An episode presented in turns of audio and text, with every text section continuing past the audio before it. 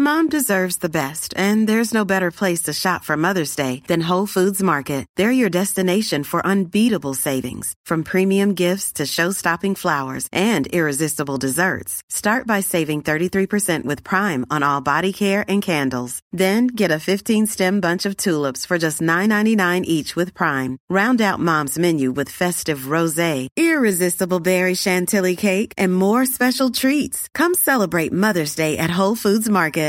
This is Paige, the co-host of Giggly Squad, and I want to tell you about a company that I've been loving, Olive and June. Olive and June gives you everything that you need for a salon quality manicure in one box. And if you break it down, it really comes out to $2 a manicure, which is absolutely insane. It's also so easy to get salon worthy nails at home with Olive and June. The difference between how your nails used to look when you did them yourself and now with the Manny system is a complete game changer. The best thing about Olive and June too is it's a quick dry, dries in about one minute, lasts for five days, and full coverage in up to one to two coats. Visit oliveandjune.com slash perfect Manny 20 for 20% off your first system. That's oliveandjune.com slash perfect Manny 20 for 20% off your first system.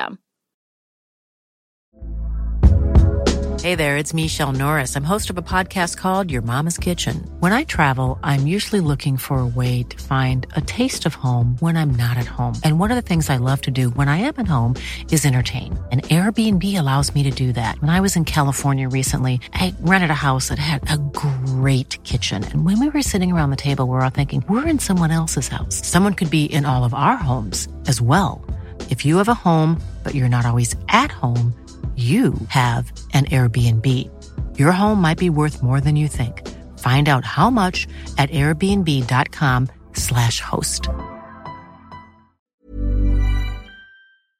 Ja, Øystein. Skal vi kjøre en pod, da? Da passer det godt med pod. Det er jo helt spesiell uke som har gått inn i historiebøkene allerede. Det er uke 12 2020. Ja. Denne kommer vi til å huske. Fredag den 13. kom med et brak, som vi sier sånn.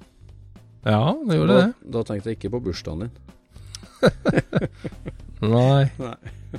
Vi eh, kjører i gang.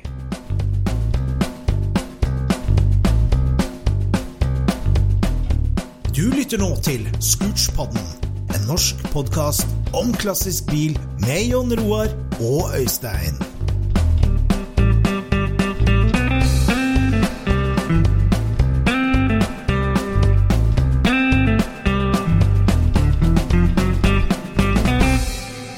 Yes, Jon Roar.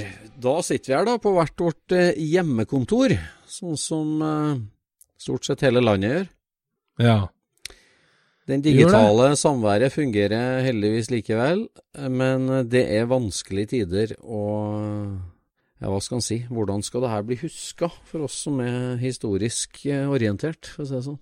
Det, Ja, det er, jeg, tenkte på det her om dagen, at jeg kan ikke huske sist gang en hel verden gikk og tenkte på én ting. nei. Det er veldig spesielt at alle går og tenker på én eneste ting. Ja, det er veldig spesielt. Det er jeg enig med. Vi snakker selvfølgelig om eh, virusinfeksjon av, eh, av verden og de dramatiske konsekvensene det fikk eh, i Norge da, i forrige uke, og, og i verden de siste døgna selvfølgelig, og døgna før Norge òg. Mm. Vi skal vel ikke gå helt i dybden på det, for det er så usikker, ufor, usikkert og uforståelig at eh, selv ikke vi kan forstå det. Nei. Er det én ting vi ikke kan, så er det noe om eh, koronaviruset. Ja, Det kan vi ingenting om. Og der er Det- vi i godt selskap, virker det som. Ja, vi har hatt hjemmeskole her i dag, men og det gikk fint det, altså. Det gjorde det. Men Her er det hjemmeskole også. Det er utfordrende tider, altså. Det er bra sikkert. Mm. Vi må jo glede oss lell. Det, det er jo lov å være glad det lov øh, for det, tenker jeg. Altså, det er lov å det, det er klart det er dystert, og det er dramatisk og sånn, men, men øh, vi kan jo ikke stoppe opp. Nei, det går jo ikke an. Nei, og for oss med bilhobby så er det jo Altså, takk og lov, så altså bilhobbyen gir jo livsinnhold og livsglede hver dag hele tida. Men, Ja. eh, men, eh, men, eh, men også nå, så det sånn. For det, Ja, det er liksom hva, hva skal man finne på hver kveld eh, aleine i to uker? Ja, jeg har en idé. Ja, det, det, er ikke veldig kreativ tenking der. Jeg har jo verksted rett over tunet, så det forstyrrer ikke en sjel når jeg gjemmer meg i hulen min. Nei, nei, nei. Det, Nei, det er, det er nok å holde på med å pusle med for seg sjøl, kan du si. Ja, det er ikke noe problem å bli bedt om å pusle litt med seg sjøl, for å si det sånn. Nei. Men eh, det er klart vi skal ikke gjøre noe humor ut av det, eller slå noe mynt på det, men, eh, for det, det vi tar absolutt det alvorlig. Men, men det er ingen tvil om at vi har en hobby som kan utøves eh, lett hjemme alene. Det, Ja, den ene delen av hobbyen kan utøves lett hjemme. ja da, det er sant. For den andre delen, det er jo liksom Jeg kan jo tenke det at jeg jeg kommer til å savne dette her å møte folk utover våren her, da. Ja, ja, ja, det, Altså, for det, nå er det mye rart som er avlyst, altså. ja det, det er mye rart som er avlyst, det er helt sikkert. Og, og det, og det jeg, jeg satt og tenkte på en dag at liksom, ja, nå har jeg, nå har jeg rulla inn Porschen i verksted, og den her 51-modellen min, og driver og skal ta ut motoren av den. Og det er klart at jeg storkoser meg med den jobben, men om det ikke var noe sosialt å se fram til i hele tatt, altså ever, liksom, hvis den dimensjonen Mm. var helt bort, Ja. da, da var ikke det mye bilhobby igjen. Hvis du ikke kunne dele det med en sjel, så er det liksom sånn Nei. det, Nei, altså det, det, det blir jo litt sånn eh, en, Et aspekt av min hobby er jo å, mestring, å lære seg noe sjøl og sånt noe. Og det kan jeg jo synes er gøy, men altså Når du har gjort det, så er det jo gøy å vise det til noen. Ja, Altså, selv da er det jo viktig å vise det til noen. ja det er jo det. Se, det, det blei ålreit, liksom. Ja, ja. Ja, vis det og liksom Ja, prat med folk og være sammen med folk. Det er jo det er en veldig viktig del av selvfølgelig alt, alt menneskelig liv, men eh, vi er jo flokkdyr. Men eh, Mm. absolutt også på bil. Men kanskje vi kan begynne med sånn eh, drive-in-cruising? Altså at ingen stopper å snakke med hverandre, Ja, ja, ja, ja. kjører videre, liksom. Ja, det er jo et godt poeng. Du kan jo godt Ja, det- utøve bilhobby Vi kan jo drive med cruising, Ja, Vi kan jo drive med cruising, men det blir jo ikke så veldig sosialt sånn, da. Enmetersregelen greier vi å opprettholde eh, fra passasjersetet til førersetet omtrent. Nei, det er, det er ikke gunstig å være i samme bil, selvfølgelig. Men, én da. mann i hver bil, og cruising, det er jo genialt. Du, du kan jo ikke møtes og spille fotball hvis du har det som hobby, men, eh, men cruising kan du jo lett drive med. Ja, det, kjøre litt bil eh, kan man jo gjøre. Det- Mm. Men eh, først, eh, nå skal vi vel sette sammen litt biler, og det blir litt shining og litt Det blir litt sånn hobbytid framover, da. Det På blir det. mange fronter. Det ser ut som skrusesongen er litt, ble litt lenger enn enn det var tenkt. Så Ja. Det er jo litt absurd. Til tross for været. Det er egentlig veldig rart. Altså, Ja. alt tilsier at du skal ut og kjøre nå, Ja. men eh, Men det er ikke så veldig mye vits, egentlig. Det er absurd, vet du, når vi kommer til å sitte og se tilbake på den episoden her, eller de episodene her om, om noen år. Var vi to nisser som satt i et romskip doomed for hell og sitte og prate om eh, bilhobbyen, eller var vi bare på en liten rollercoaster og så var vi tilbake igjen? Det er umulig å si. Nei, det er vel en slags rollercoaster, får vi vel tro, men, men hvor lang denne rollercoasteren er, er jo Det er de jo veldig usikre på fortsatt, da. Ja da. Ja. Jeg kan jo liksom eh, håpe at ting er i orden igjen til august, men eh, det er farlig å håpe for mye der. Ja, det du tenker SSC, du. Og Mm. Gardermoen. Mm. Men vi rakk jo faktisk å få til noe SSC i år, da. Ja, vi gjorde det. Eh, fyr- Første og siste i år. Det Ja, vi Siste eh, dro opp stigen etter seg, det greiene der. Ja, det gjorde det. Nei da, for vi er, eh, har vært på fjellet. Det har vi. Vi, vi var jo Mm. allerede på albuehilsing og, og armlengdes avstand, men, men det var jo ei kjempehelg. Det var jo det. Det Herregud. blei kjempebra, det. Altså, det Helt utrolig. Hoppe til Wirkola er det noe som heter. ja, vi Og det funka? Om, eh, vi snakker selvfølgelig om SSC Snow and Tell, som vi har reklamert for. Ja, hva, hva skal vi reklamere for i poden nå fra nå av? Framover? Nei, det blir vel bildekk, da. Ja, kanskje det. Det må vi gjøre. Ja, det må vi gjøre. Stemmer. Nei, vi har vært på, på, eh, på Hafjell ei hel helg. eh, Snow and Mm. Tell med ca. 100 andre bilgale entusiaster. Og prata bil, og s- lært om bil, og prata bil, og prata bil. Ja. Nei, det høres jo veldig kjedelig ut, men det var veldig gøy, altså. Det var veldig gøy. Det var det. Det, passer veldig godt med en sånn eh, ja, biltreff uten bil midt i, i mørkes, mørketida og mørkesesongen. Ja, ordentlig bra påfyll på entusiasmebatteriet der. Det, Ja, det. det er veldig hyggelig å se disse menneskene fra all over òg. Du, du møter liksom de folka som du vanligvis ser en eller i løpet av sommeren, og så Ja. plutselig så møter de på vinteren òg. Det er litt Ja. hyggelig. Det er det. Kommer i bruksbil. Oi, kjører du sånn? Ja. Så um, Nei, det, det jeg syns jeg var veldig hyggelig. Det, det er jo lagt opp sånn at vi samles på fredagen etter jobb, på en måte. Og så er det litt sånn løs prat og løs program. Vi tok jo med oss mikrofonene i år og, og tok opp litt eh, artige historier fra kjente og kjære. Mm. Ja. Så jeg fikk gjort litt av det på fredags eh, ettermiddagen og kvelden, og så er det jo lørdagen som er hoveddagen og hovedprogrammet. Mm. Og det er jo da vi har lagt opp et eh, ganske tett foredragsprogram, da. Og det der er jo bestandig litt sånn balanse. Skal det være få foredragsholdere med lange, dype foredrag, eller skal det være litt flere og litt kortere, mer lettbeint? Mm. For det er klart at Jeg syns vi, jeg syns vi treffer ganske bra på det der, jeg. om vi skal si det sjøl. Nei, men altså, det, jeg det. jeg har jo snakket med mange i etterkant da, om Mm. eh, hvordan, denne, hvordan denne balansen blir, da. Mm. Og det er vel ingen som syns det er for mye av noe, egentlig. Altså, noen vil jo ha enda flere foredrag, men altså, jeg er helt tom når den dagen er over. Altså, etter vi altså, hadde du- spist middag der sånn, så hadde jeg mest lyst til å gå og legge meg. Ja. Men det går jo ikke an med så masse kompiser på én plass. Nei, Så- det, det er en balanse der. Vi la jo opp i år da til sju foredragsholdere. Mm. Eh, totalt sett, og vi sånn stort sett så ble det lagt opp da til en, til en halvtimes bolk, der vi tenkte 20 minutt foredrag, 10 minutt spørsmål. Fra Mm. sju stykker. Og der er og og liksom så alle, Med litt kaffepauser og lunsjpause og sånn, det er jo på en lang skoledag. Altså, du sitter på Ja, skolebenken i en lang skoledag.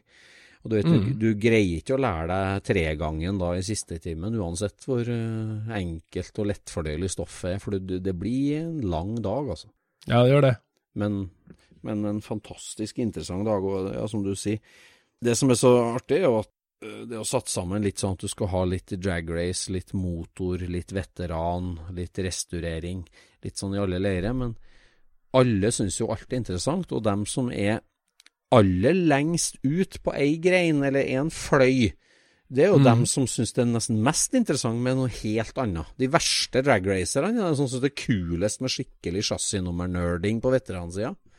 Så- Det er vel alltid gøy å høre noe nytt, ikke sant? Ja. Altså høre noen nye tanker og på en måte forstå litt hvordan tankegangen er på andre sida av bordet, da.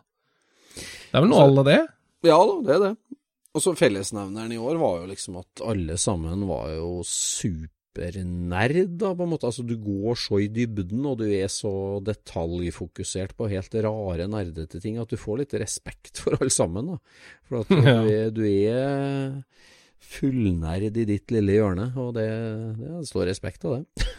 Ja, ja, ja, det var kjempebra. Ja, nei, det der eh, Det er liksom en, eh, en fin oppskrift som vi må Ja, vi må rett og slett bare fortsette med det. Ja, vi må det. Vi må fortsette med det, altså. Så i år så var det jo mange inntrykk. eh, Vi starta jo tidlig på dagen med ja, tidlig dragracing fra uh, boble-dragracing da i Norge. Bjørn Rognlien, pioneren fra Gausdal. Mm. Veldig artig. Ja, og så snakka vi om hotshop før det, da, Hotshop før det. med Martin der. Folkevogndelebutikken i Trøgstad. Mm. 40-årsjubileum, altså. Det er en mannsalder, det, bokstavelig talt. Ja. Mange mann som har jobba der opp gjennom tida òg, liksom. Det er jo Ja. det er litt folkevogner rundt forbi. De levde jo veldig fett på bilcross en stund, men det er vel fortsatt en del bobler i bilcross òg. Så det går jo fortsatt deler dit, sikkert. Nei, det vet jeg ingenting om, egentlig. Nei. Jeg har aldri drevet med det. Nei. Nei. Nei da, og så ble det jo Vegard-doktrinen, da, som allerede oppå der ble et begrep. Vegard Foseid, ja. Ja. Nei, det var et kjempeforedrag. Flink fyr, altså. Ja, flink fyr. Vegard Fosseid som foredro om eh, restaurering på av beste sort, for å si det sånn. Ja, det blir jo øyet som ser, da, men, eh, men det var jo det å bevare sjelen på bilen, bevare levd liv, Ja. Bevare og liksom eh, lande noe som eh, ja, virkelig har sjelen sin bevart. mm. Og det, han hadde så mange fine sånne, skal jeg kalle det, leveregler, og han hadde laga noen fjellvettregler òg for restaurering Ja. av bil, og det var jo veldig passende, da. Veldig passende. Nei, det var det. Nei, altså akkurat det perspektivet der med at akkurat i det sekundet bilen ruller ut av samlebåndet, så er den jo en helt pur, rein, ubesudla, eh, sjeleløs ting. Men så er det jo det Ja. fem, 50, 60, 70 år lange livet, det er det som har gitt en sjel. Det, Ja, det er, eh, det er jo sånn nærmest radikalt tankegods, altså. Ja, ja, Så det er mange veldig- som ønsker seg den bilen akkurat idet den kommer ut av fabrikken. Det er det mange Ja. som ønsker seg, Ja, det er det. men så er det liksom sånn eh, Er det egentlig det som er gøy? Ja, så er det litt, nesten litt sånn motstridende vet du, med at liksom, alle ønsker seg jo en sjelden og unik bil. Vi, vi, liksom, vi, Mm. ja, vi må helst ha eldre og eldre og vanskeligere og vanskeligere å få tak i, og helst splittbobler. Vi ønsker oss liksom sjeldnere og sjeldnere, og sjeldnere, og når du først liksom har en sånn, da, så det er klart at sjelen til akkurat den bilen er jo helt unik. Men om du tar Ja. den tilbake til når den sto på jernbanevogna ute av Olsburg, så var den jo helt lik alle, alle, alle andre. Så, Ja. så Ja. det er litt sånn selvmotsigelse. Så det er jo både det der, der de punktene der med liksom ta vare på sjelen og, og, og tenke på hele det livet den har levd og alt det der, men også litt sånn med hvordan, ja, hvordan du teknisk da gjør den restaureringa. Og det handler jo Mm. liksom Jeg vet ikke om det går an å gjøre det sånn som Vegard sin bil eh, sjøl, da. Den, det er jo en gammel folkevogn varebuss, en barndoor eh, varebil. Varebil, en barndoor, som kom ut av samlebåndet helt jomfruelig, selvfølgelig, og så gikk den som i Oslo Lysverker. Jeg bare tenker Mm. på nå at hadde den vært like sjelfull om den var superrestaurert, strøkenrestaurert, til Oslo Lysverker-tilstand. Han har jo bevart eh, all slitasje, patina, utslitt lakk, eh, slitt ratt, eh, slitasjemerke rundt bryteren og håndbrekket. Veldig hyggelig eh, liksom, patina på den, men, men eh, Mm. ja. Den der sjelesaken er jo litt sånn todelt der. Du, du kun, den kunne ha vært så dårlig at det ikke var noe å redde, men at du lell ville ta den tilbake til 1958-versjonen, da, selv om det var en 50-modell. Ja. ja, det er sant det. Altså, det her blir jo eh, blir jo ulikt for alle som eh, tar tak i en bil. Det er det her sånn hva, hva de føler for dette her. Men det Mm. Vegard gjorde i, i foredraget sitt, var jo på en måte også Det var en slags wake-up call, eller altså informere om at denne muligheten fins, da. Ja. Altså, eh, vurder eh, om du klarer å bevare den sjelen som faktisk er der. Mm. Eh, og det er jo ikke lettere, for å si det mildt. Nei, for å si mildt. Det, det var jo en vanskelighetsgrad som ikke ligner grisen. Ja, ja. Sandblås og lakk er alltid enkleste utvei. Det, er jo egentlig det. Ja. Så mm, Men, eh, men du verden for et resultat han har klart å få til på, på akkurat den bilen, da. Ja, kjempeartig. Men hva gjør man liksom når, når det er sånn som eh, 46-en din, som på en måte ikke har noe Den har vel ikke noe lakk på karosseriet sånn å bevare? Nei, innvendig, heldigvis. Han er strippa helt utvendig en gang, men innvendig er det masse originallakk. Så, Mm. så det skal jeg bevare, absolutt. Mm. Så, men um, Nei da, det der, den er langt kommet og har vært sånn, Den har levd et veldig hardt liv, sånn, så det, det er lite igjen av det opprinnelige. Mm. Men, um, men for all del. Eh, Chassis er jo veldig mye igjen på det, og det tar jeg vare på. Mm. Ja, der er jeg jo veldig usikker på hva jeg skal gjøre med 49-en min, da. For det, der er det jo ikke så veldig mye levd liv. Det er jo en veldig bra historie, vet du. Den, Ja, har, jo, det den har jo en veldig bra historie, Ja. men den har et veldig dårlig karosseri. Ganske dårlig karosseri. Men Ja. eh, ja da. Litt, litt røbbing. Men den har jo trebolta bensintank, da. Det, Det er jo kanskje Det er noe av det mest spennende med den, på en måte. Og så er det jo det Det er jo litt Det er av det artig beste at med den, det ikke? Best bevart Ja. del. Nei, jeg vil jo si at det er mye annet som er veldig bra på den. Men, eh, Ja. men jeg syns jo det er litt artig når jeg sier at det er antageligvis Norges eneste 49 med krigshistorie. Mm. Ja, fortell det der. Dra den historien. Det er jo en bruktimportert 49-modell, det der. Ja, den kom jo til Norge i 1966. Mm. Eh, og en gang tidlig på 70-tallet så eh, blei faren min kontakta av en mann som vil bli kvitt ei boble. Mm. Og faren min, han jo, Mm. ja, faren min jobba jo på en eh, gård, så han eh, sa at det var greit at de heiv denne her i bekken. Helt naturlig. Mm. Ja, nei, for han så for seg at, det sa han til meg da, altså i seinere tid, at eh, han så jo for seg å dra den bilen opp igjen, Å, og så kjøre på jorde med den. Det var det han hadde tenkt å gjøre. Var det? Men så viser det seg det at eh, de folka som heiv denne bilen, de satte fyr på den, Ja. for at den skulle forsvinne fort. Å ja, så det skjedde Det skjedde med en gang, det. det jeg tenkte Ja, det skjedde mens han lå guttestreker. i skråningen der. Ja. Så det oppdaga jo faren min når, når han kom hjem fra byen, at det, den bilen sto jo og brant. Men, da eh, så da tenkte jo ikke han noe mer på det, men eh, sånn eh, når jeg begynte å bli stor nok til å sitte på i traktor, så kjørte jo vi forbi der den bilen lå. Ja. Og da så jo jeg den eh, folkevogna ligge nede i skråningen der sånn, og, og det var jo alltid litt sånn skummelt, vet du. Det var jo nesten sånn For det her er jo en sånn jordekant. Eh, Sånn at eh, det er mange steder på den, det jordet som ser på en måte likt ut. ja. Så det var liksom sånn Er det her folkevogna ligger? Det tenkte du hver gang du kom liksom til en sånn odde i denne bekken, ikke sant? Eh, og så til slutt så var den jo der, ikke sant? Når du, når du kjørte langt nok, da, så plutselig så, det, så dukka den jo opp som et sånt underjordisk eh, monster. så den husker jeg at den, den så jeg jo da jeg var liten, kan du si. Men- Men, allerede var- da var den jo kaputt, ikke sant? Ja, altså, den var jo brunbrent og ikke noe vindu og ikke noe gummi noen gang, når du har sett den. Nei, nei, jeg har aldri sett den eh, Nei. som noe annet enn et utbrent eh, skall, kan du si. Nei. tror- Men eh, det som var litt sånn artig da, var jo at eh, godt ut på 90-tallet så kom det jo en, eh, en eh, kjenning av oss begge, Ole Rune Moe, Ja. eh, og han eh, kjente jeg så vidt da, Mm. men han var jo borte der og kikka på denne bobla. Jeg vet ikke hvordan han visste at den var der, men eh, han var der borte, og så tok han med seg karosseriplata fra den bilen. Mm. For han var jo en tidlig jeger i ditt distrikt.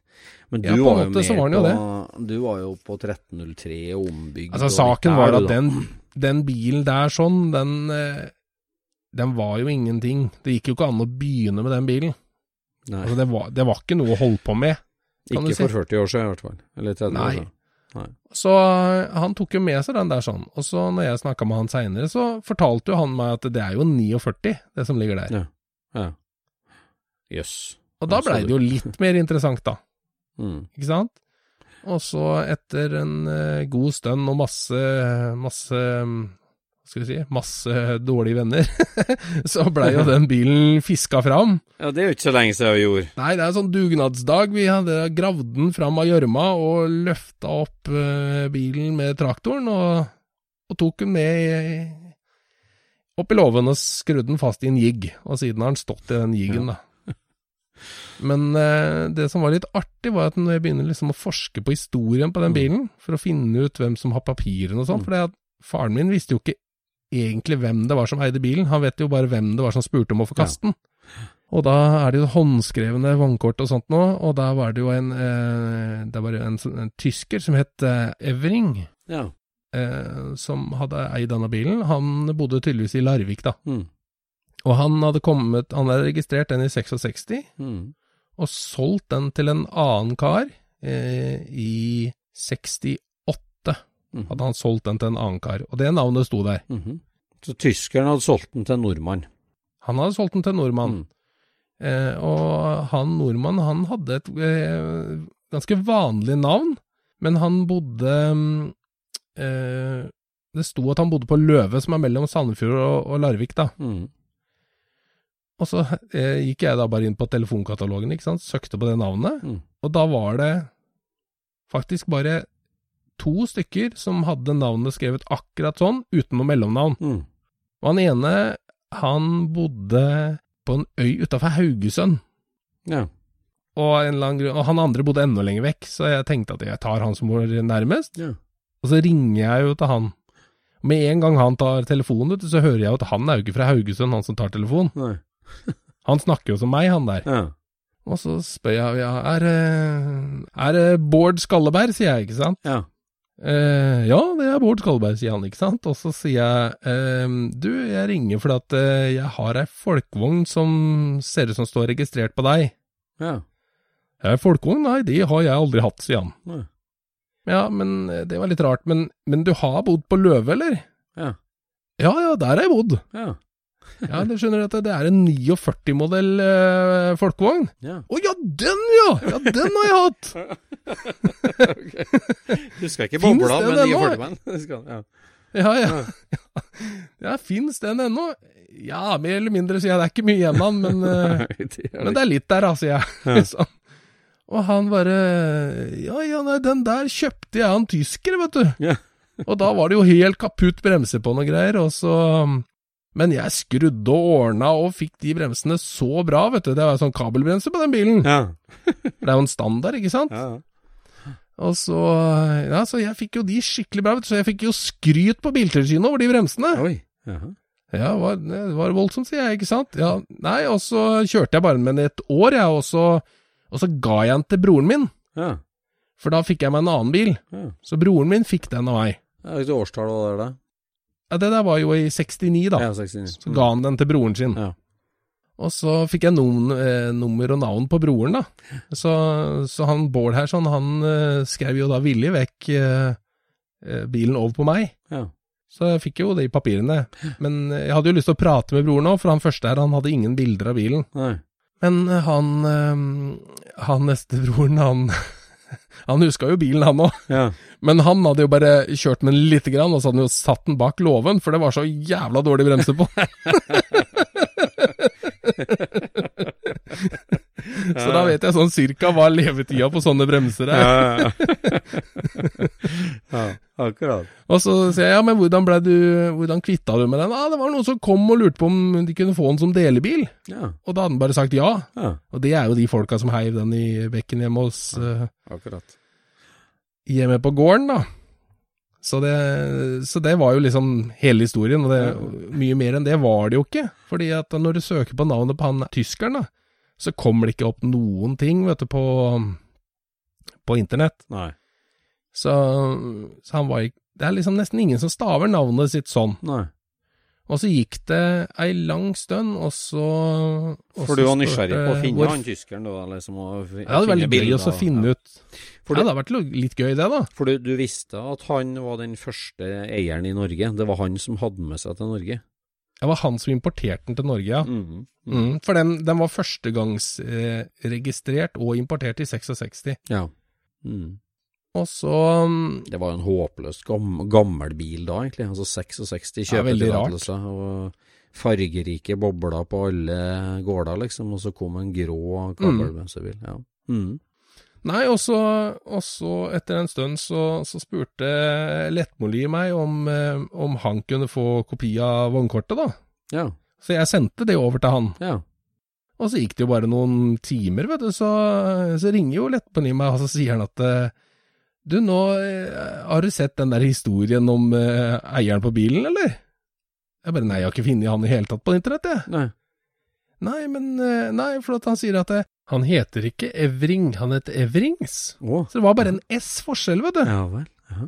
Så når du søkte på, på um, eh, Nå husker jeg ikke fornavnet her og nå, da. Men når du søkte på det navnet, da, ja. så dukka det opp en sånn derre eh, Et forum Aha. for sånne krigshistorier. Aha. Ok. For han Evrings, han blei skutt nedover den engelske kanal, han. Nei. Av engelskmennene. Han var pilot Og- i Luftwaffe, han var pilot i Luftwaffe, han, vet du. Og så ble han skutt ned over den engelske kanal, Ja. og så lå han der og guppa i vannet, og, og så ble han plukka opp av ubåten U-47 med ubåtkaptein Gynter Prien, Nei. som tok med han til land.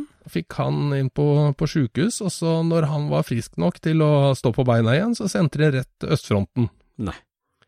Men han overlevde østfronten, kom tilbake og flytta til Norge i 66, står det i den historien. Nei. Og tok med seg bobla på lasset. Og tok med seg bobla.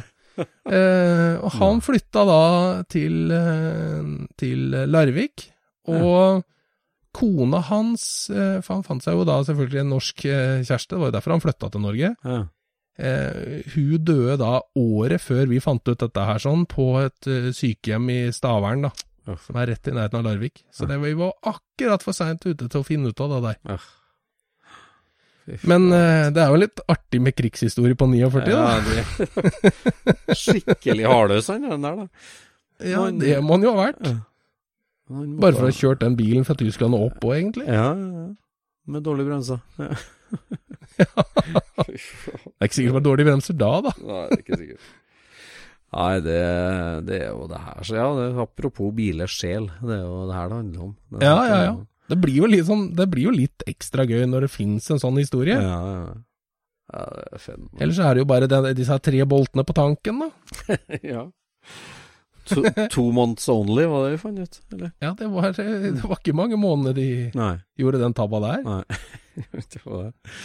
Nei, det var første generasjon stortanke. Nei, det, Ja. det er jo like før den skal registreres, den der, da, eller? Jeg har jo prøvd, vet du, men eh, den må jo inn på sånn ID-kontroll. Ja. Du må få samla Så den må jo Ja, Ja. det må se litt mer eh, helt ut før det er noe vits å prøve på det. Ja, ja, ja. Men, eh, men papirene er i hvert fall i orden, så Ja, ja. Nei, men det lysta er der også. Ja. Nei, apropos til bilers sjel. Det var eh, på Snow and Tell, ja. Og så, eh, hvis de skal tilbake til fjellet da, med foredragsholderne, så var det jo selvfølgelig hovedattraksjonen, må vi nesten si da, midt på dagen, med Kjell Gudim, motorsportslegenden fra Asker. Mm. Mm. Det var kjempeartig. Ja, nei, det var eh, Jeg har jo hørt mye om eh, Gudi, men jeg har liksom aldri hørt Jeg har aldri hørt det foredraget hans, da. Nei. Nei, jeg syns det var jo artig at han kom på fredagen og var jo så med Ja, han var liksom- sammen. På Ja, han var middagen en av gutta, liksom. Ja, det var veldig artig. Det var litt artig. Ja, det. For oss bilnerder, da, så, så var det jo han var jo sjåfør. Han, han skrudde ikke sjøl, og han, eh, Ja. han var ikke så inn på, på det Nei, tekniske. det er jo et gap mellom sjåfører og, og bilinteresserte, egentlig. Ja, det er egentlig, vet du. Han, han var bare opptatt av å kjøre fort. det, og det gjorde han Ja, godt. han, han kjørte bilen til den stoppa, Ja. og, så, og så gikk han ut. Ja. liksom. Det er vanvittig. Vi fikk, jo, vi fikk jo tatt opp en bra seanse med nå, så vi, vi kommer med en egen Kjell Gudim special snart. Ja, på et eller annet tidspunkt så gjør vi det. Det er en, eh, en fin karamell, da. Ja, veldig, veldig. Det var flott, ja. Så var vi over på etter lunsj da, på fjellet, så var det Frallan, Fredrik Reichler fra Reichel fra Sverige. Ja, Det var, det var litt av en historie han hadde, altså. Litt av en historie, altså. En unggutt som fikk seg jobb på en bitte liten flyfabrikk helt i Sør-Sverige. Og Ja. ble bråinteressert i dragsterkjøring, og fant ut at eh, boblemotoren var fin til dragster, og fikk flykompisene sine til å konstruere en, en langdragster med ba Ja. bakmontert boblemotor.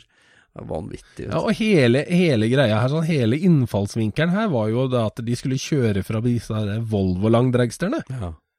De som hadde Volvo-motor i langdragster. Ja. Ja. det har jeg aldri hørt at det har vært en greie engang, men, men de fly, eh, flykompisene hans, da, de syntes jo det var helt håpløst å ha en Volvo-motor i en sånn, for den var jo altfor tung. ja, for det var liksom det med støpejernsblokka og grovheten som Ja, det gikk jo ikke an, vet du. Nei, Så da blei det folkevognsmotor. Det Ja. syns de var det syns de var bra. Ja.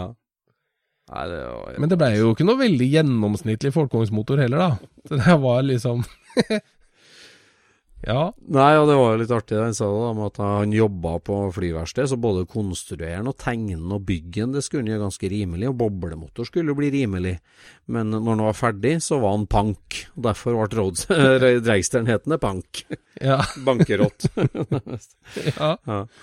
Så Nei, det var jo Det er liksom Jeg syns liksom at han er er noe av essensen av det som eh, før var det å være svensk i bilbladet, liksom. Ja, ja, ja.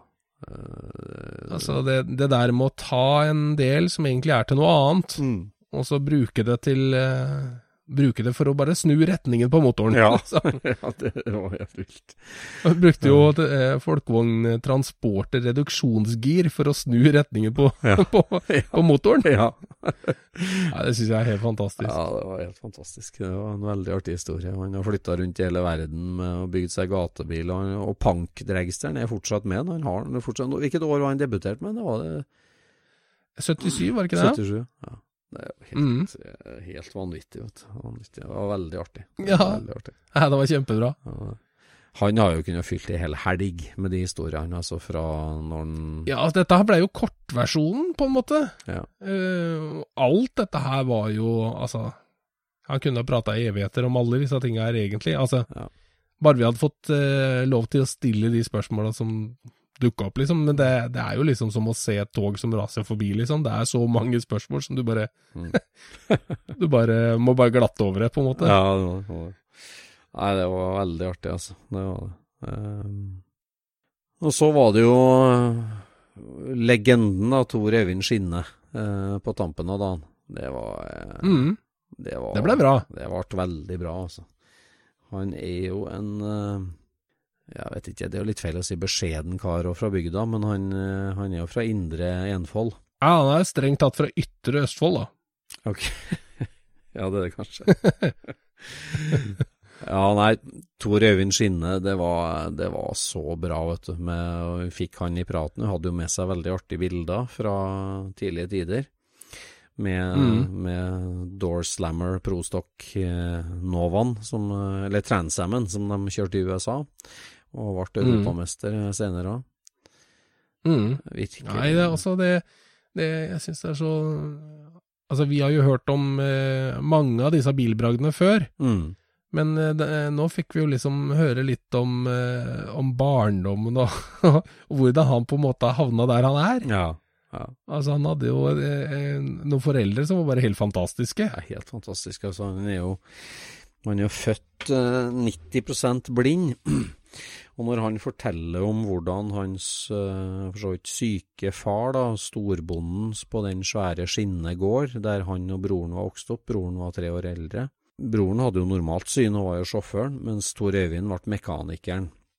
Og da Mm. det med helt ubegrensa tillit. Altså Foreldrene de så ikke på han som noe annerledes fordi om han var blind, og, og ga han bare u... Altså, når faren sier du kjører traktoren hjem med fullt kornlass.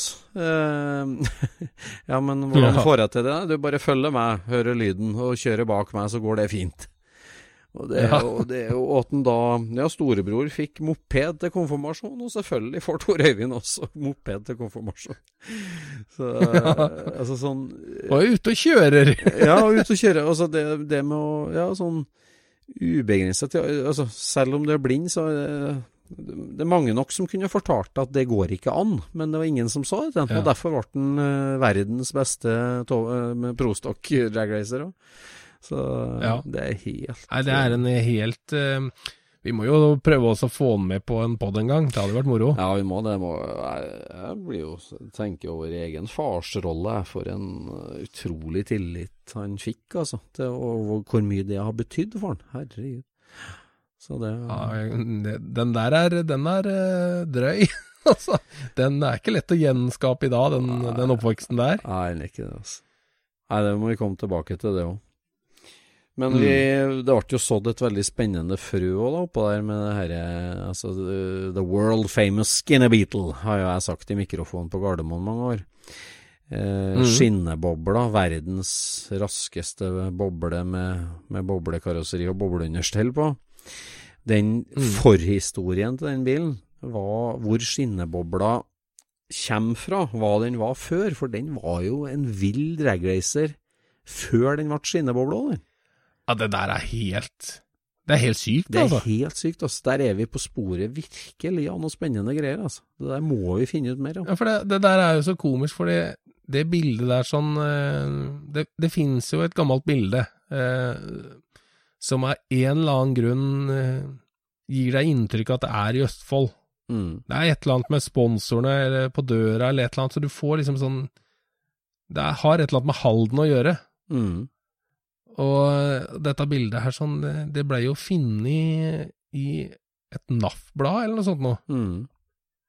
Så står det liksom en beskrivelse under bildet av eh, mekaniker sånn og sånn har gjort sånn og sånn. Mm. Og, og dette er liksom eh, en dragrace-bil, da. Men du ser at dette her er så gammelt. Ja, det Så, der er så vi jo blei jo veldig, veldig nysgjerrig på liksom, hva, hva er dette her? Mm. Ja, for det bildet der det dukka opp et sort-hvitt-skann av det bildet som viser ei, ei lys farga boble med flared fenders, ville slicks, en merkelig motorkombinasjon med fire gassere og en ei ovalboble. Det bildet der har vi Mhm. sett for 15-20 år siden og diskutert det der, hvor altså, For en spennende historie. Hva er det her for Hva er liksom? det for noe? Ja.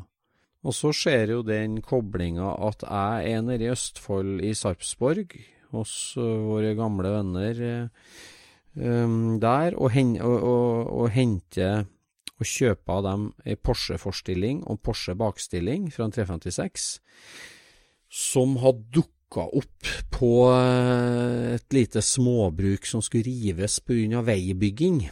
Mhm.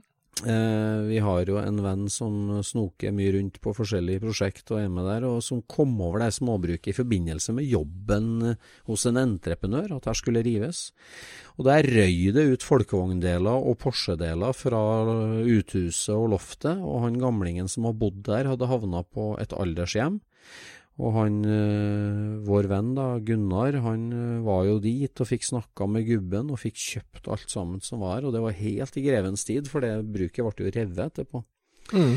Og fikk med seg et par hengelass med bobledeler og spennende ting, og der var det jo da et gammelt GT-ratt, en knøttliten, rar Dragster-tank, og, og, en, eh, og en, en historie da, om at han fyren der, han hadde kjørt dragrace med boble, en motor med fire forgassere på rad. Og, og her er tanken fra den bilen, og her er rattet fra den bilen, og her var GT-stolen fra den bilen. Og det der ble jeg jo nysgjerrig på, de delene der og greier sånn, og så havna vi videre til vår venn Bjørn Rune Meli, som eh, når jeg sa at jeg har vært og henta Porsche-deler der Ja, men der var jo jeg i 1978 og henta ei gammel dragrace-boble, og den solgte jeg til skinnet, han. Bare ding! Da var den koblinga klar. At eh, et gult ovalskall eh, som hadde vært dragrace-boble, som var et vrak, som han Bjørn Rune Meli henta. Men kobla du, kobla du allerede der at det var det bildet? Nei. Nei, det, gjorde du ikke. var jo du som kobla. For det, det, Nei, som det var det som eh, Det skjedde jo på, på Snow and Tell. Da sitter vi jo og prater om den historien der. Ja, men du har jo sagt det før. Hva Når, en gang Ja, altså, jeg mener jo når jeg kom hjem fra det der og fortalte at, uh, Ja, ja, ja, ja, ja. at der hadde vært ei gul boble med fire, fire gassere på rad, så sa jo du Mhm. at ja, men det må jo være den der gamle Halden sort-hvitt-bildet vi har sett. Ja, ja det sa husker jo jeg. du da. Ja, Og det, det men, jo- men, men da skjønte ikke Da sa ikke du at eh, dette her var solgt til skinne. Det sa du ikke til meg. Du Å, sa bare at du hadde funnet de delene. Og så når, det, når du sitter må jeg ha. Ja, ja, ja, ja. Nei da. Nei, ehm, altså når vi Eller når dere sitter og prater om dette her på fjellet, så, så poppa jo det bildet inn i huet på meg igjen at eh, fader, det der er jo Nå snakker de Ja. om den gamle bil, bilen på det bildet. Og så var det jo å prøve å finne det bildet, da. Og merkelig Altså, det gikk, gikk jo ikke. Jeg søkte jo høyt og lavt etter det bildet, og jeg klarte ikke Mm. finne det. Det går så seint over telefon og surfe gjennom alle disse harddiska, vet du. Men, Mm. men så på mandag morgen Mm. så er det vår gode venn Sverre Blindheim. Han legger ut det bildet og lurer på om noen vet hvor denne bilen har blitt da. og da var det jo bare rett inn med kommentaren. Den går 8.03 i dag. ja, det gjør det. Altså. Nei, det der er helt vilt, altså. At det Ja. er nesten liksom eh, eh, At det er nesten tilfeldig, nærmest, at, at den første norske dragraceren er den Det verste. er den, ja, det er den verste òg, ikke sant? Ja, ja, det er jo helt vilt. Ja, det der er helt sykt. Det der skal vi til bunns. Altså, vi må, det må finnes flere bilder av den der gule ovalbobla der. Ja, han må jo ha kjørt noe sted. Han må jo ha vært Ja, noe sted og kjørt. Den må ha vært over på Sverige, vet du. Gammelt Start and Speed, så finnes det et bilde av den der. Gule monsteret fra Norge. Ja, det vil jeg tro. Ja, det der eh, Hva han het han Det der mekanikeren? var Hva het mekanikeren? Han het Ja. Karsten eh, Ja, det har vi på trykk, skal vi si. Det, Skarsås eller noe sånt ut det bildet. Vi må legge ut det bildet. Vi har jo søkt opp det navnet, vet jeg, før, men eh, Ja. Nei, det Uten der var litt av en tilfeldighet, altså. Den Ja, det første der var- er også verdens raskeste. Det er jo helt Ja. eh, Ja, det Og den jeg tenker jo den bilen der må jo bygges opp igjen. Altså gul ovalbovle, flared fenders, en gigaspoiler bak. Den, det ser ut Det er jo sånn, det er jo sånn Hot Wheels Il Tempo Gigante-sak, egentlig. Bygd i Halden. Ja. Ja, nei, den er eh, Den er tøff, den. Den må vi til bunns i. Den må- er veldig tøff. Det, er- den kommer vi tilbake til. Det blir en føljetong. Mm. Men apropos gule racerbiler, vi snakka jo med Hans Landelius der oppe. Det gjorde vi. Han hadde jo et lite foredrag, for han skal jo kjøre i den derre eh, 1600 Challenge-klassen med Johannes Perssons gamle gule dragracebil. Ja. Det skal han. Det er jo en ny klasse under oppseiling nå. Dragracing har blitt for dyrt og for komplisert for mange, så det er litt frafall. Så nå er tanken om å kjøre en 1600, maks 1600 volumklasse i Mm. Norden. En felles klasse for å, at alle Back skal konkurrere basics. litt mer på li. Back to basics. Mm. Det er en kjempeidé som vi jo oppfordrer til å delta på. Mm. Nå er det jo litt usikkert når det første racet blir, men eh, Ja, akkurat planen. nå føles det litt sånn Det er å skyte litt fram i tid, det òg. Ja, det er det. Men Hans Landelius, han er jo en legende i eh, folkevognmiljøet, i hvert fall i Norge og Sverige. Og Ja. eh, helt siden han bodde i USA på, på 80-tallet, så har han jo egentlig levd av å skru folkevogn og motor gjennom sitt firma Peace Performance. Ja.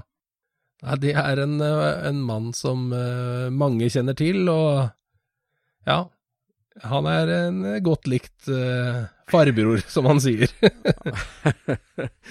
han har mange historier på lager, og han forteller dem godt. Og Ja, han gjør det. så benytt, derfor benytta vi sjansen til å få, eh, få han bak mikrofonen når vi var på fjellet, og fikk til et intervju med vår venn Hans Ja. Landelius. Skal vi bare kjøre det i gang nå, eller? Da tar vi det. Ja, Øystein, nå har vi fått enda en internasjonal gjest. Det her, eh, Scootspodden blir internasjonal, så nå har vi fått besøk fra Sverige. Ja, nå ruller det på, altså. Velkommen hit, eh, Hans Landelius. Tackar, tackar. The man, the myth. The legend. Det legend? Nei, det er trevligt. Ja, Scootspodden eh, handler jo mest om folkevagn, og der, der har du vært hele livet. ja, i stort sett. Ja, farsan hade ju tjänstebil folkvagn från 59. Och, och eh, så jag har ju vuxit upp i baksätet på en Folka. Når er du født, eh, Hans? 52. 52. Ja, så vi hade en ny vartannat år. Ja. Så att, eh, så att, och den bästa vi hade det var 67an. Ja. Och sen efter det gick det fullständigt åt helvete för då fick han en Volvo. Oj, oj, oj. Ai, ai, ai. Så, så jag hatar Volvo. Vi går ut på morgonen och knuffa igång den. Den startar inte när det är kallt. Så att eh, Volvo vill jag inte ha. oj, oj. Nej, så vi har hållit på med... Ja, vi växte ju upp, jag växte upp i ett litet villaområde som var utanför stan. Så att det var, vi hade inte så mycket att syssla med. I, utenfor Stockholm. Nej, utanför Södertälje. Utanför Så det var ett mm. nytt villaområde. Och det var i stort sett alla familjer var i samma ålder. Så att det var en jävla massa ungar. Så när vi hade några sådana här cykels, eh, cykeltävlingar och så, då var det 30-40 ungar. Ja. Som cyklade och kraschade och gjorde illa sig och skrek. Och, och ingen hade hjälm. Det behövdes inte på den tiden. Nej, nej, nej. Det var inget farligt då. Det gikk bra ändå. Ja, Det så fanns att, eh, ungar. så att sen blev det ju moppe. Och vissa som var, de var, gänget var ju ungefär från födda 47 till 55. Och sen slutade ju föräldrarna skaffa barn. Så att eh, det var bara några sladdisar. Så att 57 fanns det väl några också. Men de var, de var ju aldrig med på de riktiga äventyren. Nej. Så att eh, vi hade en kille som körde cross och det gjorde man ju illa sig utav helvete. Ner i en grusgrop. Och skulle liksom klättra upp för sidan på grusgropen med hojen och en sån här silverpil. Men eh, nej, den välte och jag fick ju avgasröret på låret. Så att eh, kom hem och morsan frågade vad man hade gjort. Så här, vi har varit ute i skogen och grillat kolv och jag ramlade på elden. Liksom. Man, man var ju tvungen att ljuga, man fick ju inte hålla på med det där. Man var väl inte mer än 15 när jag körde silverpil. Jag nådde ju knappt ner till pedalerna. Jag fick ju liksom stå lite fram på limpan. Ja. Och, så att, men sen blev det ju folkvagn. Ja. Alla hade ju folkvagnar. Det var ju, Södertälje var ju VG. Så att det var ju folk, alla som jobbade på Scania hade folkvagn. ja. Och, och farsan jobbade ju inte där, men han hade också folkvagn. Han var ju re, reste runt och då var ju billig bil att åka runt med. Så att, så att eh, men sen var det en granne där som hade några stycken. Bland annat så fick ena grabben en svart, han var lite äldre, han fick en svart 56 tror jag det var. Och frugan där hade en, en berylgrön 59 som vi var jävligt sugna på. och vi gick och tittade på den där, den var fin och den var väldigt fin färg det där berylgröna.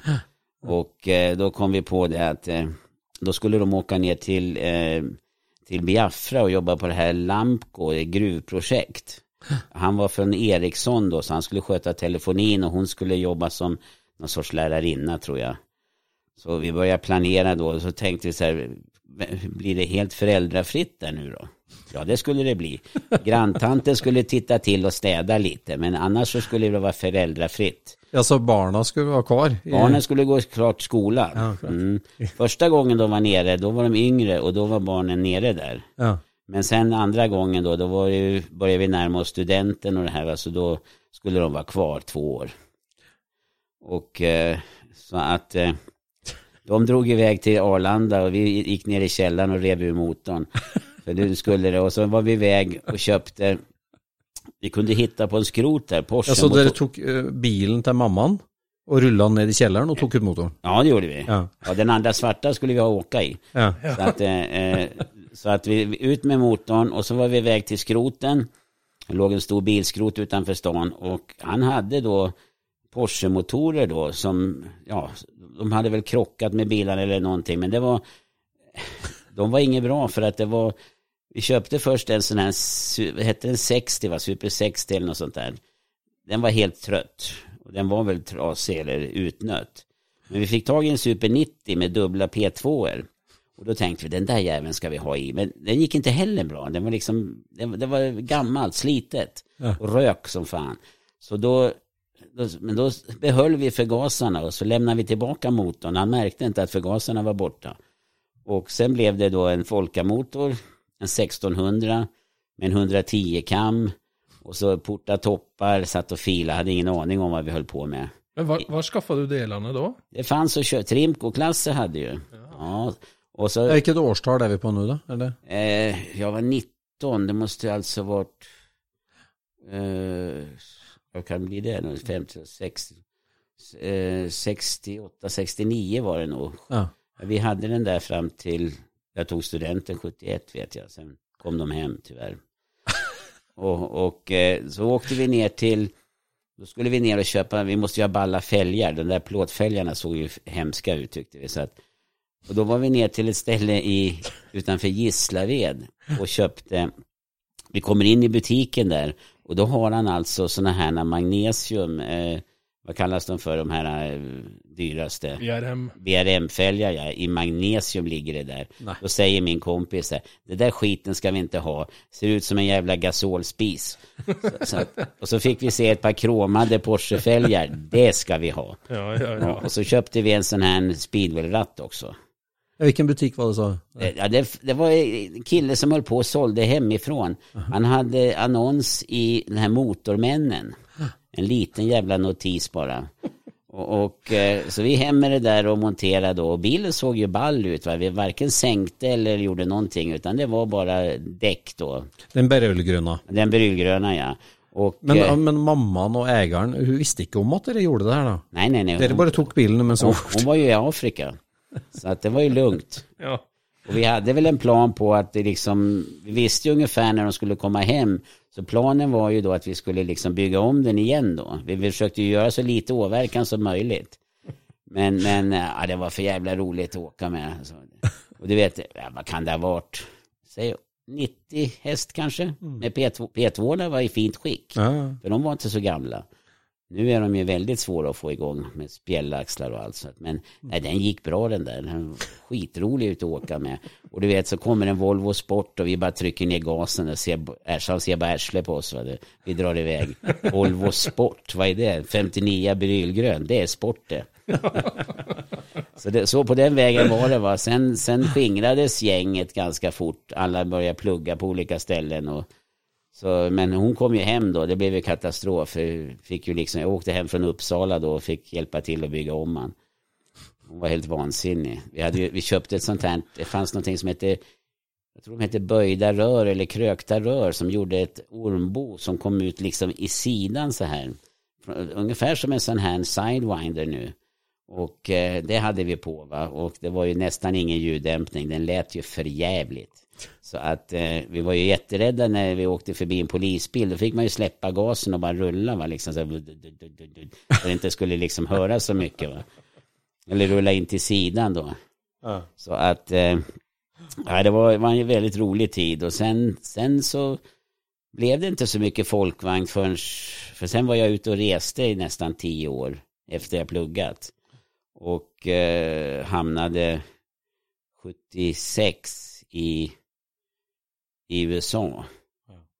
Och, och då, Ja, hvorfor havna du i USA da? Ja, jag hade träffat min fru, som jag fortfarande är gift med nu, 42 år. Med samma fru. Samma fru. Ja. I alla fall så då, suget blev för stort när vi hade flyttat ut till Oregon så ah, ja, jag måste ha en buss. Så jag åkte och köpte en buss, 500 dollar. En 65 Motorn lät för jäkligt, alltså det bara slamra i den. Men jag tänkte, jag bor ju bara en kilometer bort. Om jag åker över bron och det var rusningstrafik. Så, så kommer jag bara upp till krönet på bron va, så kan jag rulla hem. Men precis innan krönet då bara sa det smack i motorn så stod han still. Usch. Ja, och bilarna, jag kunde inte ens öppna dörren och gå ur för det var så i helvete med trafik. Så att till slut så var det någon som, någon som tydligen gillar folkvagn som förbarmade sig, stanna och klättra ut på baksidan av bilen och, och kom fram och knuffade mig över krönet så jag kunde rulla hem. Så att, eh, nej men sen, den byggde jag om sen till en campingbil. På den tiden var bussarna inte särskilt populära i USA. Så att det var en som ställde en sån här eh, Westfalia eh, gammal, du vet med en liten poptop i mitten. Ställde på en parkering som skrot. Och så började ungarna panga rutor och du vet, tyckte det var jättekul att panga de här, eh, de här louvre och grejer. Bara, ja, den bara blev sämre och sämre. Så, och det var ju hel Westfalia-inredning. Så jag samlade ihop lite verktyg och eh, ficklampor och grejer. Så låg jag en hel natt där och monterade ner hela inredningen.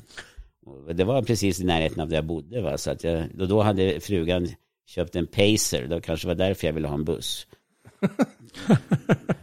så att, eh, nej, så jag monterade in den inredningen i den här 65an. Vissa grejer var ju svårt i och med, för, det var ju fönster på den här.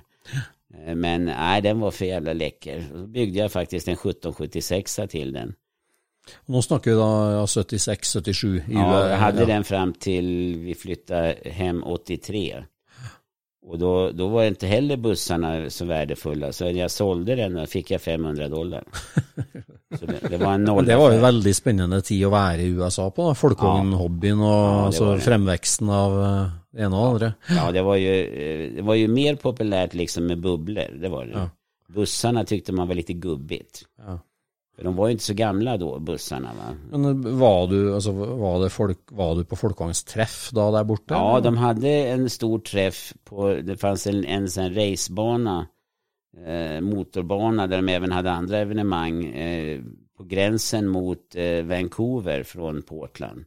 Och där hade de en stor bubblaträff. Och, men det var ingen dragracing där utan dragracingen var eh, det var nere i San Francisco på, sån här, vad hette den, Sears Raceway eller sån här. Och, och sen fanns det ju då nere i Kalifornien, nere i Los Angeles var det ju på Carlsbad och överallt åkte de ju. Men eh, nej, jag var mest på den träffen där i Portland. Och, och då såg man ju då liksom de som hade börjat göra Callookers och stuka om dem och så. Var, var du ner till Orange County? Och Ja, vi, vi, ju, vi hade ju släkt där nere i LA så att jag var ju nere och åkte runt lite och tittade på delar och så va. Men nej, jag hade ju bussen så jag, det, det, liksom, det var ju inte aktuellt att börja trimma och Nej. racea. Men jag, jag, jag tände ju en gnista. Men bussen brukte du som bruksbil då? Ja, den körde Frun jag. körde Pacer och du körde buss? Ja, jag vägrar åka pacer. jag vill inte sitta i ett växthus. Nej, så det... Men bussen var fin alltså, den gick jättebra. Jag vet vi var på en sån här river rafting en gång. Och då var jag taxi med bussen då. Kö- Körde då liksom och packade in folk så det var som sillar vet du. De låg på varandra inne. Men 1776 den tuffade på bara. Ja. Och det var ju sådana motorer ungefär som jag bygger idag till bussarna då med en 34 pikt i mitten. Mm. Det går jättebra.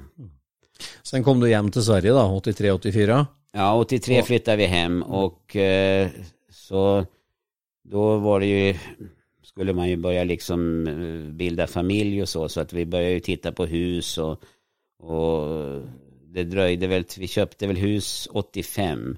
Jag har ju aldrig bott i lägenhet så att jag vantrivdes nog fruktansvärt i en lägenhet. Kände som jag var instängd som i en bur. Och, och, så vi fick tag i ett hus då 85. I Södertälje? Ja, och det tog väl, tog det en månad så hade jag köpt en 63 Men Den köpte jag en mörk novemberkväll när det regnade uppe i Sollentuna. Och den gick för jävla illa. Så jag kom upp i 70 på motorvägen ungefär. Va? Den tuffa. Men sen, jag kunde inte se hur den såg ut när jag köpte den. Jag bara la upp pengarna, 2 500. Och så kom jag hem och så gick jag ut dagen efter och tittade och vilken skrothög. Och herregud, vad har jag dragit hem?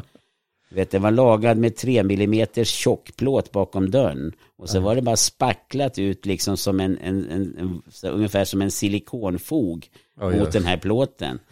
Och jag tänkte, vad ska jag göra med den här? Så att, ja, sen började det tändas en gnista där. Den skulle bli racebil. Ja.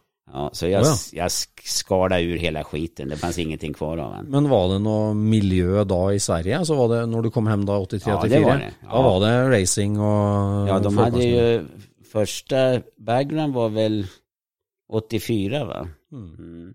Men Jag hörde ju talas om det och tänkte liksom att fan det där skulle vara kul att få vara med där nere och så liksom köra som de här killarna i USA. Ja. Jag har ju sett, det fanns ju, jag såg en gång på tv faktiskt, en, det var som sensation då från eh, en, ett program då, var ungefär som de här eftermiddagsprogrammen om, och då var det ju de här eh, nere i Los Angeles som körde med stora hjullyft och sådär, men jag blev helt tagen. nästan. Det där måste jag göra. liksom, så att när jag fick mitt första hjullyft här i Norge, då, liksom, det var ju, var sagan färdigställd. Liksom. Men som sagt var, nej, så den började jag med. Men sen åkte vi fram och tillbaka till USA i många år och jag köpte grejer hela tiden. Och sen flyttade vi tillbaka till USA 98 och kom hem 2000. Och då bodde jag i Texas och då jobbade jag inte. Men då hade vi två barn va, så att eh, ja, det var frun som jobbat då? Eller? Ja, hon jobbade på Ericsson då i, i Dallas. Ja. Och, eh, men jag åkte ju runt då liksom på helger och när det var lov på träffar. Så jag satt ju och pendlade bort till Phoenix, Sacramento och allting. Jag gick på träffar hela tiden. Och de hade lite, de hade racing i Texas också. Men där hade de tillåtit sådana här automatväxlingar och eh, sån här automatisk start på bilarna och så. Så det var, det var inget spektakulärt. Det blev löjligt. De, satt ju, de la i liksom och sen släppte elektroniken eh, bilen iväg. Va? Ja. De körde ju inte själva. Och så hade de eh, sån här kolsyrepatron för växlingen. Va? Det var löjligt. Så att, men nej, jag var mycket runt och köpte ju då min första racemotor kan man säga. Det var eh, en kille i Oregon av alla ställen.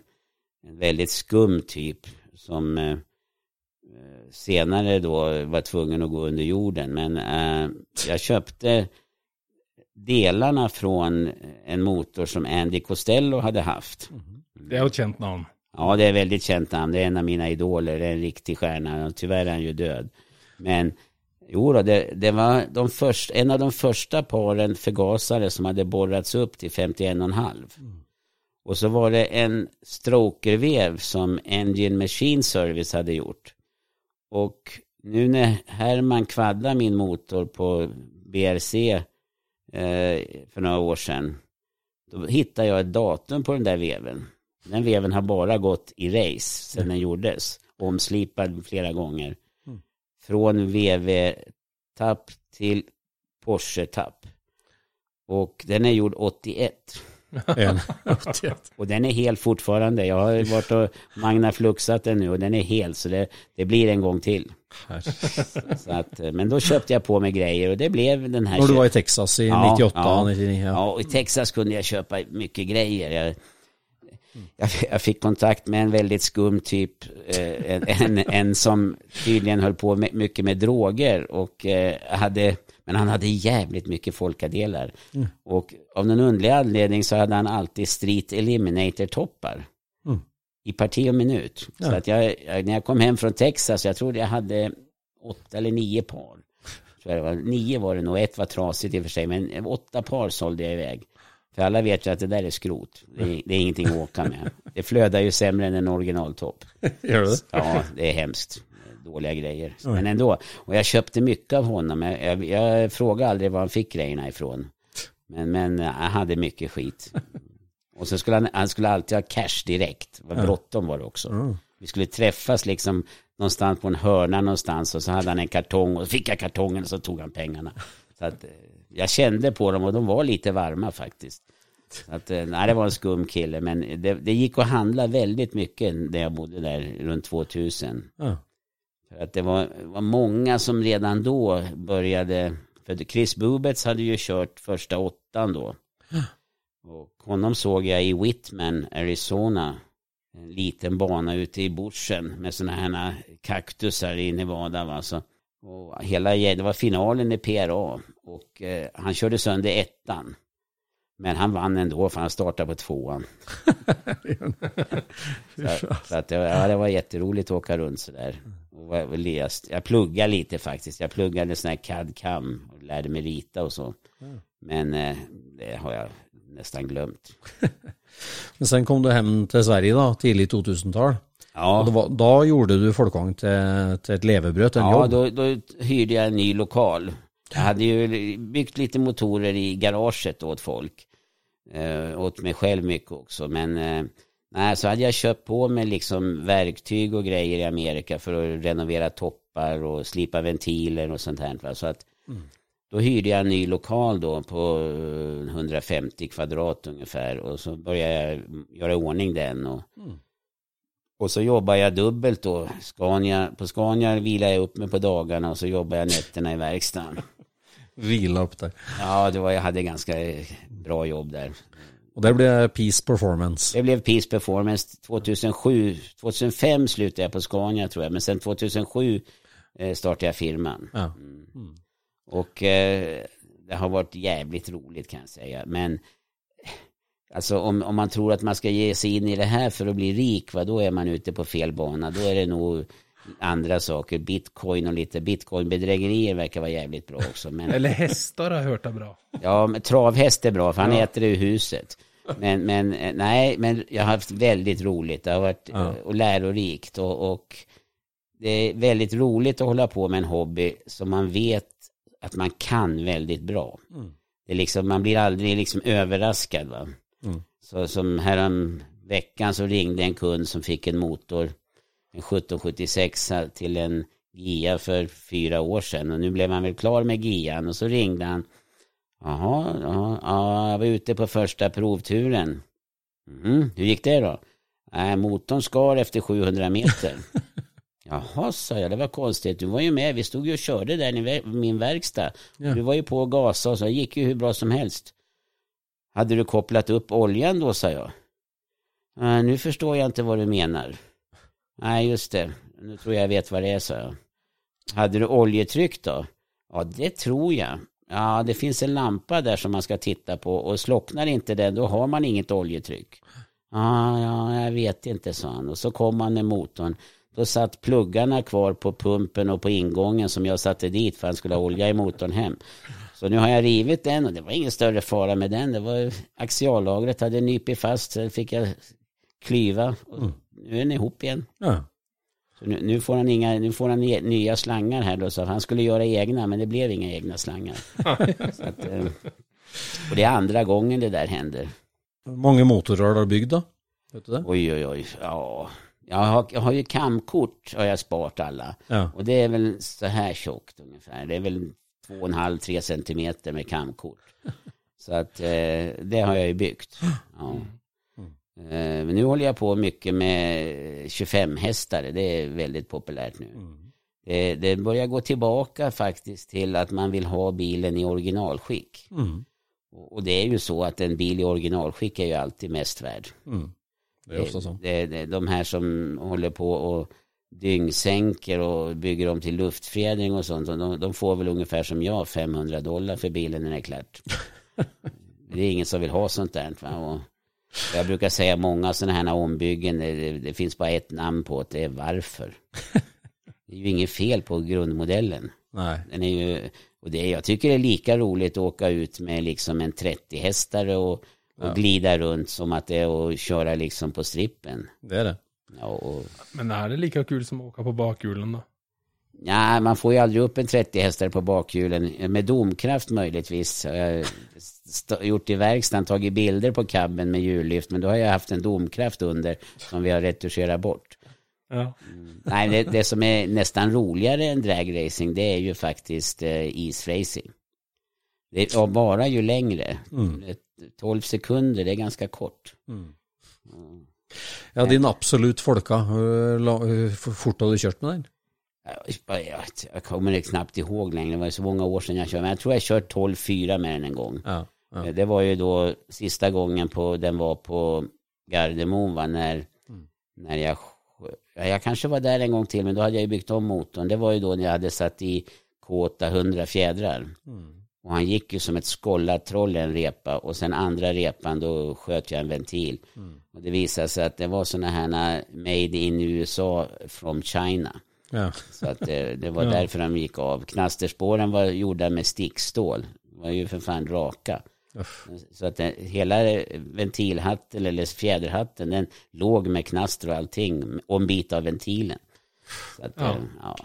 Så att man blir lurad ibland men det, det hör till. Ja, ja, ja.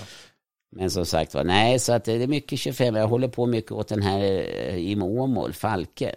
Så jag har gjort lite växellådor. Och så nu håller jag på med två 25 hästar och en, en är 50 och en är en svitter. Och sen har jag en 52 cab då. Som en kille äger i Stockholm som är i två delar. Så att det, det är inte så bråttom med den motorn. Nej, du har fått många rara förfrågan också från kunder som har drömt om det ena eller kommit med skrot och trodde det var guld eller Ja, det, jag, jag tycker det är roligt. Det var eh, en gång i verkstad i Södertälje så kom en kille in med en vev. Och eh, så hade han liksom klängt på.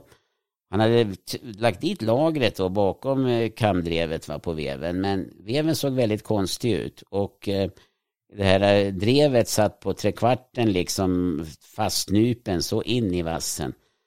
Jaha, så du, eh, hur fasen får man dit kamdrevet på de här? Det är ju omöjligt att trycka dit. Vet, jag jobbar ju på däcksverkstad sa han, så vi har ju en 20-tonnare va, så jag ställde upp veven där och tryckte på va, men den vek ju ihop sig. Jaha, sa jag, ja men då gör vi så här så vi, vi spräcker det där jävla drevet, men jag tar kaprondellen bara. Så jag tog bort drevet och räddade lagret. Sen sa jag åt henne, så gå in i rummet bredvid, där ligger 90 vevaxlar där, ta en av dem så ska vi kolla om den är bra. Ja. Så kom han ut med en vevaxel, ja den här är inget fel på, den kan jag polera upp, så men eh, jag kan sätta på drevet åt det. Så tog jag fram en kartong, han tittade ner i den, det låg väl drygt 100 drev där. Så liksom, ta, vi tar det här, det såg bra ut. Och så la jag det på kokplattan och så fortsatte jag jobba. Och han stod och trampade och tittade liksom, ska gubbjäveln aldrig göra någonting? Ska han stå där bara? Och jag tittade, sen spottade jag på drevet och det fräste väldigt bra. Tog jag på mig en handske så lyfte jag så kloink på veven. Så gör man, så jag. Så nu kan du gå. det är som Columbus ägg. Ja, det, Så att, eh, och sen, sen de här, var en som ringde så, du har motorer till salu va? Ja, så det har jag. Ja, vad kostar de? Ja, det beror ju på hur många hästar du ska ha och hur stor den ska vara, sa jag. Men vanligtvis ett långblock går väl på mellan 25 och 30. Mm. Om det ska vara helrenoverat och så. Ja, ja, ja, då hörde man på rösten att det var ju inte vad han hade tänkt sig. Uh, har du inget billigare, sa han. Jo, för fan, jag har en jävligt billig, sa jag. Det är en 1300 med hål i blocket som sitter fast. Den får du för fem. Ja. Men den går väl inte? Nej, nej, nej, den går inte. Den går inte att köra med, men den är billig. Så att det är många som får svar på tal för att man, ja. telefonen va, det är många som kommer till verkstaden och undrar liksom hur fasen får jag något gjort? Ja. Det ringer hela tiden och folk liksom frågar och, och, och det var en som ringde häromdagen, han var så nervös, han höll på med axialspelet va. Och, oj, oj, oj, oj, nu var jag, ja hur ska jag göra, vet du, jag har lämnat svänghjulet på slipning så att den skulle så att det skulle kunna få dit tre skims. Ja. ja. Och, och, och, nu har jag 011, 010, 011. Ja men det är ju perfekt sa jag. Ja men det står ju 07 i boken. Ja 07 kan du ha om du är 80 år, åker till affären och köper en limpa någon gång. Va? Men är det så att du gasar på, va, då fastnar det. Ja. Så du ska ha 010, det är det vi har nu. Och är det en Formel V så sätter jag den på 015, 016. Oj. För annars så, annars så skär de. Det går för varmt. Ja, det går för, det är ingen kylning, det, det går för varmt. Det, det, det sväller mycket mer. Så att, eh, nej, det är, det är mycket roliga förfrågningar. Och... Jag vet att uh, du, du, du älskar folkvagnsmotorn, men du är inte så glad i 356 Porsche-motorn. Nej, jag tycker, jag tycker att den, eh, den är... Jag tror det var så här att Ferdinand Porsche, han var en väldigt auktoritär person. Så att om han kom på någonting med någon annan liten Hejduk kom på en lite bättre lösning så tog de inte den bättre lösningen för att det var Ferdinand som hade sagt så. Ja. Och bland annat så blir jag så förbannad på en 356 när man ska ut kolvbulten på fjärde cylindern. Ja. ja. Då har de gjutit en tjock aluminiumbit där. Och då ser man det är någon som har fått tag i sliprondellen och slipa av hörnan på den. För det går nämligen inte att knacka ut åt det hållet för kolvbulten tar i. och, och det där känner man igen då när Ferdinand konstruerade den här typ 4-motorn. Om du tittar på ett typ 4-block så är det väldigt likt ett 911-block i gjutningen, fast 911 är lite längre. Och det är väl, de säger ju att den här 34 hästar som kom 61 var den sämsta motorn. Men jag håller styvt på att typ 4-motorn, det var den absolut sämsta motorn. ja, för att, eh, alltså har man sett en kamaxel i en sån bil, man undrar liksom, har man inga lyftare utan har man åtta stycken sliprondeller som sitter där inne och, och rider på kammen. Den är ju nere på godset. Ja, jag hade en motor som jag rev som gick så fruktansvärt illa. Han hade 6 mm lyft kvar på en avgas. Kammen var nästan rund. Och, och, jag vet inte varför. De, de, och sen, den är ju tung som ett as. Och så liksom 70 fantastiska hästar med den vikten. Det är ju hemskt. Men det är två liter hans. Två liter. Ja, det, ja, det, är, det är stort. Det, det, är stort, det är en två liters motor. Ja. ja. Och, och, eh, men jag har lyckats faktiskt, jag har byggt en trimmad bussmotor åt en kille och den bromsar med 150 häst med väldigt mycket vrid också. Ja. Men eh, vad man måste göra på dem det är att man får man ska inte porta så mycket. Man ska behålla det, det är dålig gashastighet i dem. Plus att avgaskanalen är konstruerad av någon som har bara känt med fingrarna och inte sett hur jävlig den blev. Mm. och sen dra ut avgas mellan stötstångsrören, det måste ju ha varit en tankevurpa. Men Ferdinand sa vi skulle göra så, så vi gör så. ja, ja. Men, men, ja, det är, alltså man ser tecken på, på eh, att liksom, jag vet ju de som har försökt trimma 356 och det är svårt. Mm med, med liksom 9 mm ventiler och 12, eh, vad är de, 15 utvändigt styrningarna. Det är som klossar.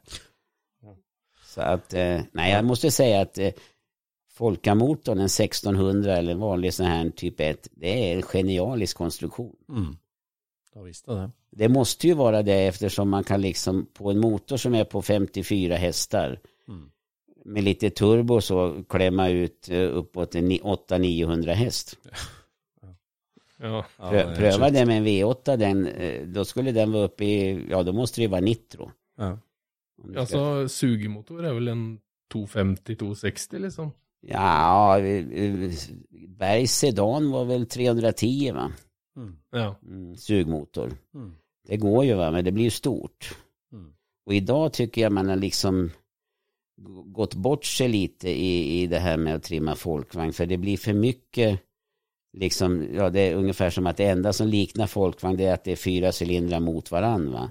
Och sen ska det gå så extremt fort. Mm. Och det är lite onödigt tycker jag, för bilen är inte gjord för det. Va? det jag vet ju när jag bodde där på 98 där, då, då körde de ju med bilar utan frambromsar. Mm. Och eh, det var ju ingen fråga om liksom om de skulle krascha, utan det var ju bara fråga om när. Mm. De var ju livsfarliga. Livsfarlig. Spole bak och inga frambromsar. Så får du ett snedkast och rör bromsen, ja det är som en caterpillar, den vänder på bandet och slår in i väggen. Och det var ju bara Roger Crawford som hade sin kvar, för han körde ju inte den. det finns inga av de bilarna kvar. Nej, det Nej, de är borta. Alle krasja. Ja, de kraschar. Ja, ja. Når får vi se deg på banen igjen da, Hans? På, På banan?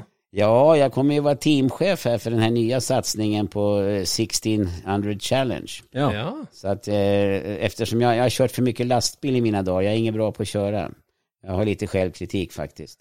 Så att eh, eh, jag, Herman får köra. ja. Han, han, jag brukar säga att han är som en kvinnlig förare för att han varken lyssnar på motorn eller lådan, han bara river i.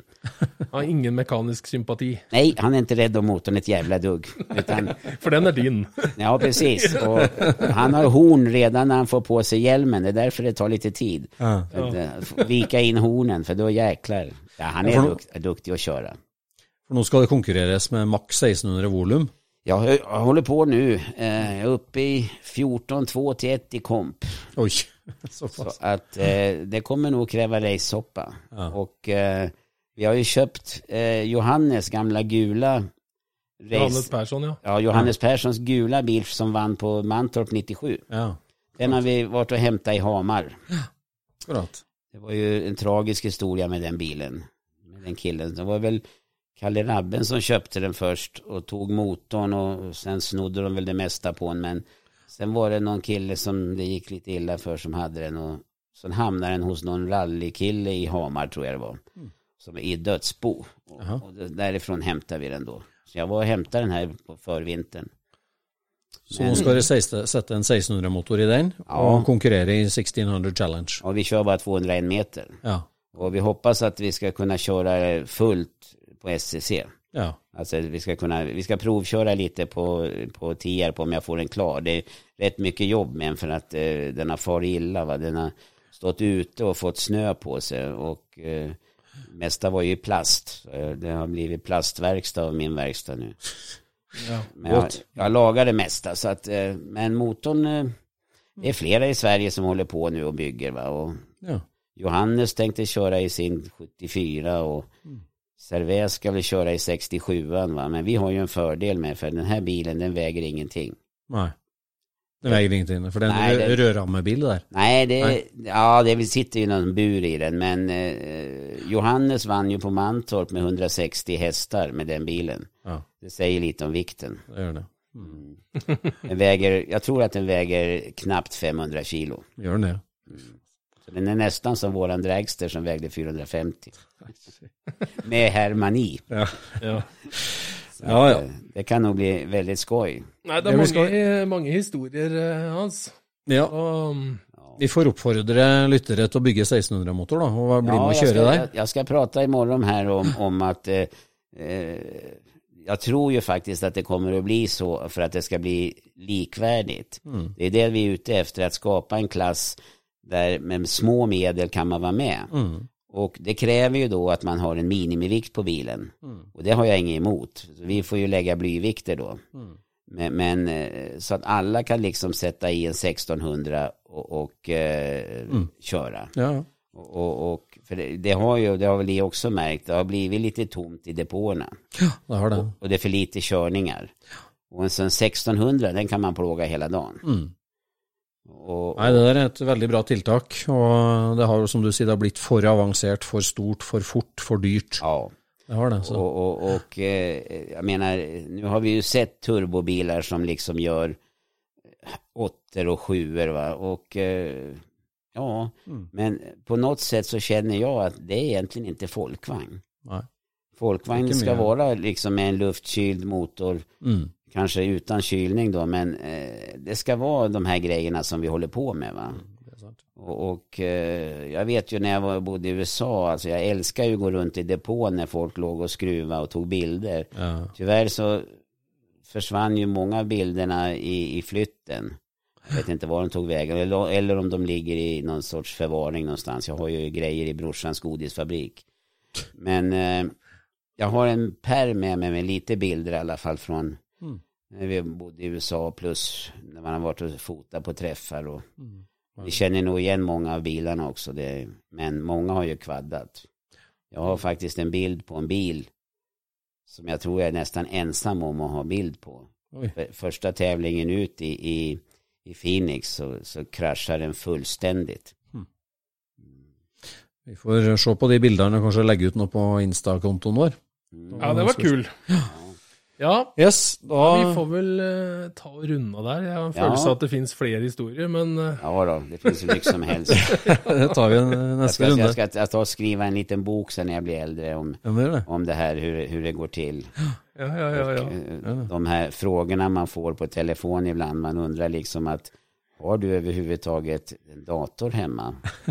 Det där finns ju liksom, det är bara att söka. Så, ja, jag, jag provar själv ibland när folk liksom säger jag vet inte hur jag ska göra. Då provar jag så här, jag har problem med min 34-pikt. Så slår man in på datorn och söker. Ja, 400 svar, räcker inte det? Men jag tror att dagens människor vill inte läsa, det är en gammal konst. Det där att skriver man ett inlägg på mer än fyra rader, då slutar de läsa. Ja. Så på slutet kan man bara skriva gärda, gärda, gärda, gärda hela vägen. Det är ingen som läser. ja, ja. Ja, ja tack ska ni ha. Besøket. Takk for Kul att vara här. Jo. Ja. Takk. Hei, hei. Hej. Scootspodden produseres av SSC Media, med god hjelp av VV Norge og Trond Dahl for hosting, Knut Micaelsen for musikk. Abonner på Scootspod via podcaster eller Acast, og følg Scootspod på Instagram og se det vi snakker om. Der kan du også komme med kommentarer og innspill, og fortelle oss hva du vil høre om.